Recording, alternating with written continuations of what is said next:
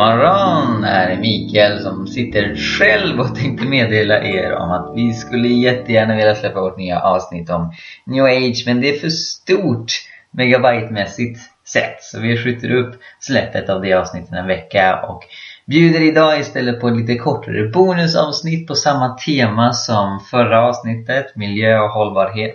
Det här är en del av en föreläsning som Johannes höll i Korskyrkan för ett antal veckor sedan. Hoppas det är till belåtenhet. Man kan säga att vi har skapat ett välstånd i en del av världen som rent fysiskt inte går att uppnå i alla delar av världen, vilket innebär att vår rikedom förutsätter andras fattigdom.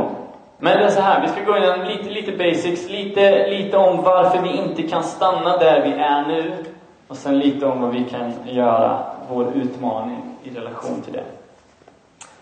Vi har en planet. Eh, jag tror inte vi kommer kötta om det, utan vi har en planet. Eh, och då har vi ett, ett visst antal resurser. Jorden återskapar resurser åt oss, det vi kallar förnyelsebart. Skog växer upp, eh, fiskar fortplantar sig och så vidare. Eh, men en skog växer ju inte upp hur snabbt som helst, utan hugger vi ner mer än den kan växa upp så kommer vi börja dels få mindre avkastning nästa gång eh, och vi kommer att, att börja tära på våra resurser. Eh, och problemet är, om vi tar nästa bild, att, och det här hade vi som en fakta innan på frågesporten, jätteroligt. Så här många planeter anser en svensk livsstil att vi har. Eh, fyra planeter. Eh, och det är ju tre fler jordar än vi har. Och det blir ju ett problem. För då måste ju någon annan kompensera för det här. Eh, det är så enkelt det är. Antingen så får vi låna av våra barn, eh, eller så eh, får någon annan leva på mycket, mycket mindre. Och som ett litet tankeexperiment, om vi tar nästa bild. Om vi tänker oss att världspopulationen består av fem personer. Och svensken tar fyra jordklot. Det, det ska alltså bli ett jordklot per person då, är tanken. För det är ju det vi har. Vi har en planet. Om svensken då tar motsvarande fyra jordklot, så måste icke-svenskarna, om de nu delar helt jämlikt, vilket de inte gör, eh, få ett fjärdedels jordklot var för att det ska bli ett jordklot per person. Ber om ursäkt för att jag kommer med matte på onsdagskvällen.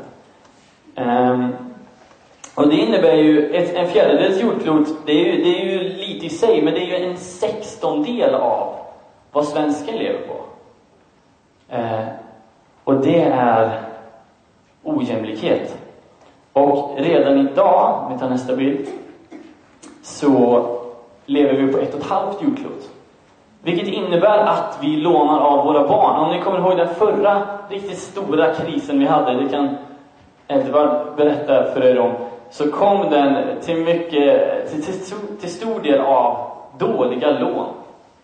Och vi håller på att låna av våra barn och våra barnbarn eh, av resurser som, som borde tillhöra dem.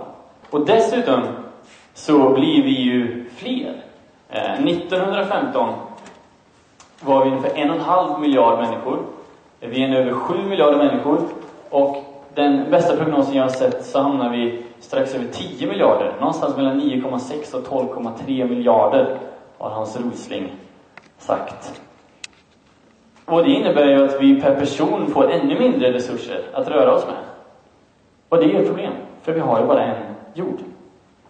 Dessutom, om vi tar nästa bild, så blir planeten varmare och tyvärr så löste inte Parismötet eh, allting. Eh, det vi har kommit överens om är att vi, vi ser ett problem och vi ska göra så mycket vi tycker det är bekvämt att, för att bekämpa det. Eh, förra gången när vi hade klimatmötet, det som kollapsade i Köpenhamn, då sa vi så här mycket kan vi släppa ut. Nu måste vi beta av er. Hur mycket kan ni tänka er att sänka er utsläpp? Och det gick inte. Det klappade ihop. Eh, och nu sa vi, ja men eh, Säg hur mycket ni kan tänka er då. Och så försöker vi klara oss under två grader, helst en och en halv. Eh, och ursäkta min skep skepsis. Eh, Parismötet räddade inte världen.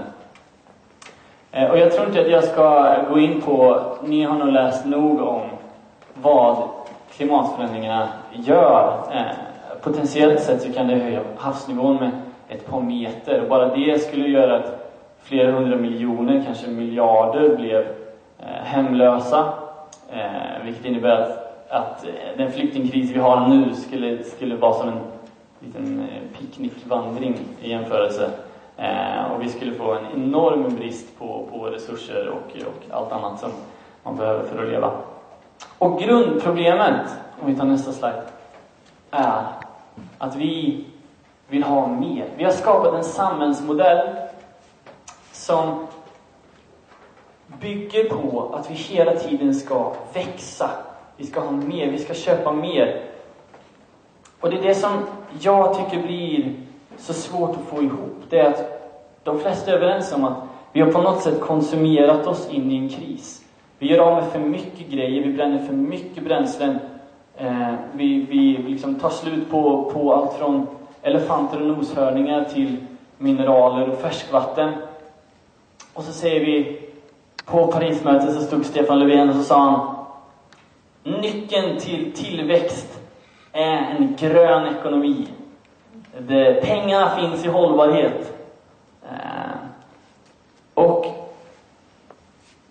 jag tycker inte att det är bibliskt heller. Nu kommer vi in på, på, på den delen. Vi kan inte konsumera oss ur problemen som är skapade av konsumtion. Och vi kan inte som kristna inte ifrågasätta en modell som säger att mer är bättre. Ekonomisk tillväxt blir ju också exponentiell. Om vi, om vi ökar, om vi, om vi har eh, 10 pengar och så, och så har vi en tillväxt på 10% då har vi 11 pengar. Men 10 av det är ju 1,1. Och då blir det ju mer varenda gång. Och så växer vi något enormt. Och jag såg någon siffra om att den globala tillväxten under 2015 är lika stor som hela världsekonomin på 50-talet. Eh, det är den världen vi har skapat nu. Och i Ordspråksboken eh, kapitel 30, vers 8 så står det Gör mig varken fattig eller rik. Ge mig bara mitt beskärda bröd. I andra översättningar så står det Ge mig mitt dagliga bröd. Gör mig varken fattig eller rik. Ge mig bara mitt dagliga bröd. Och på ett annat ställe, om vi tar nästa bild, så står det Filipperbrevet eh, kapitel 2, vers 3 eller 3, vers 2 så står det Var inte själviska och försök inte imponera på varandra. Var ödmjuka och sätt andra högre än er själva. Och problemet är att vår livsstil just nu, det vänder snart om ni mår dåligt nu. Vår livsstil säger nu, de, och det är majoritetsvärden, det är inte ett fåtal utan det är massor av miljarder av människor, kan inte ha samma levnadsstandard som vi. För vi vill ha motsvarande fyra jordklot och ni får kompensera för det. Och det är inte den vägen som jag ser att min bibel stakar ut. Det här är det liv som jag tycker att Jesus har för oss, om vi tar nästa bild. Det är ett uppoffrande liv. Det är ett liv där vi väljer bort det som är världens väg det som är girighet och själviskhet, där jag är i centrum. Eh, och väljer en kärlekens väg som, som säger att du och ditt är viktigare än mitt. Som sätter andra högre än oss själva. Ett liv i enkelhet. Johannes döparen säger på ett annat ställe. Om du har två skjortor och din bror har ingen, så ge honom din skjorta. Och eh, jag bytte rum här i början av året. Jag har 19 skjortor. Eh, den här är ärvd. Men jag har köpt väldigt många också. Jag behöver inte 19 skjortor. Det är exklusive t-shirts och långärmade t-shirts och tjocktröjor. Vi är kallade till ett liv i enkelhet. Inte bara för att det står så i livet, eh, i, i Bibeln, utan för att nu, för första gången i världshistorien, så säger vår planet, så säger vår miljö, det här går inte längre. Och jag kan inte tänka mig att Gud har, har gett oss en väg i Bibeln som inte överhuvudtaget är kompatibel med den jord han har gett oss att leva på. Utan han har ju gett oss en väg, han, han vet allt som, som är hållbar. Så kanske är det så att när Johannes döparen sa, det visste kanske inte han, men, men han säger ge bort en skjorta om du har två, så kanske det inte bara handlade om, eh, om, om liksom kärleken till nästan i det konkreta sättet att, att den här personen var naken. Utan att vi kan inte ha så här mycket. För då kommer någon annan bli utan tröja. Eller så kommer vi förstöra vår planet så att det blir kast för alla istället. Live simply so that others may simply live. Så, utmaningen, om vi tar sista sliden, som jag tror att Jesus har för oss, som jag försöker sprida och försöker leva, eh, och det är jättesvårt, men det är en osjälviskhetsrevolution. Där vi radikalt lever annorlunda mot det samhället säger att vi ska leva. För vi kan inte tillfredsställa finansminister Magdalena Andersson, för hon vill att vi köper massa onödigheter, annars så går inte vår ekonomi ihop. Vi kan inte leva på det sättet. Vi behöver tänka, vi behöver tänka tvärtom. Vi behöver tänka, hur lite kan jag leva på? Och sen ge så mycket vi kan som en kärleksgåva till Gud.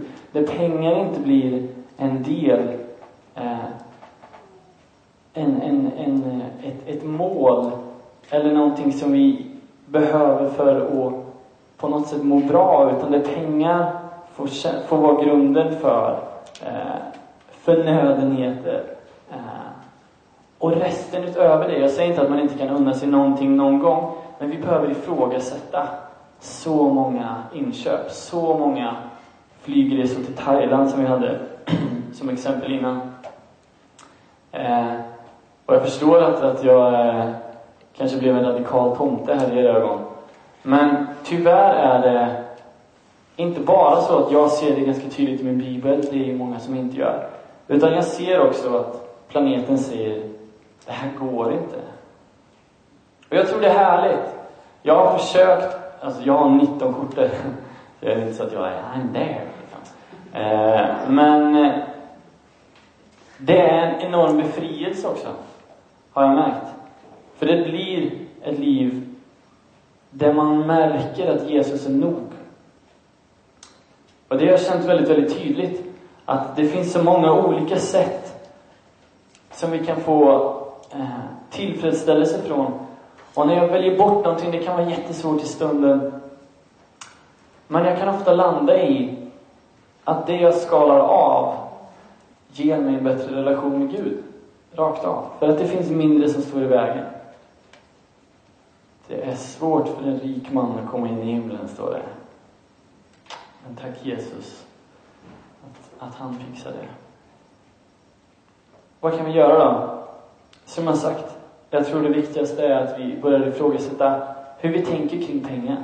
Och det vi försöker börja strukturera om vårt liv efter hur mycket vi kan klara oss på istället för hur mycket vi kan tänka oss att spendera. Ehm, vi kan äta vegetariskt. Idag har jag lyckats få igenom att vi hade vegetarisk färs.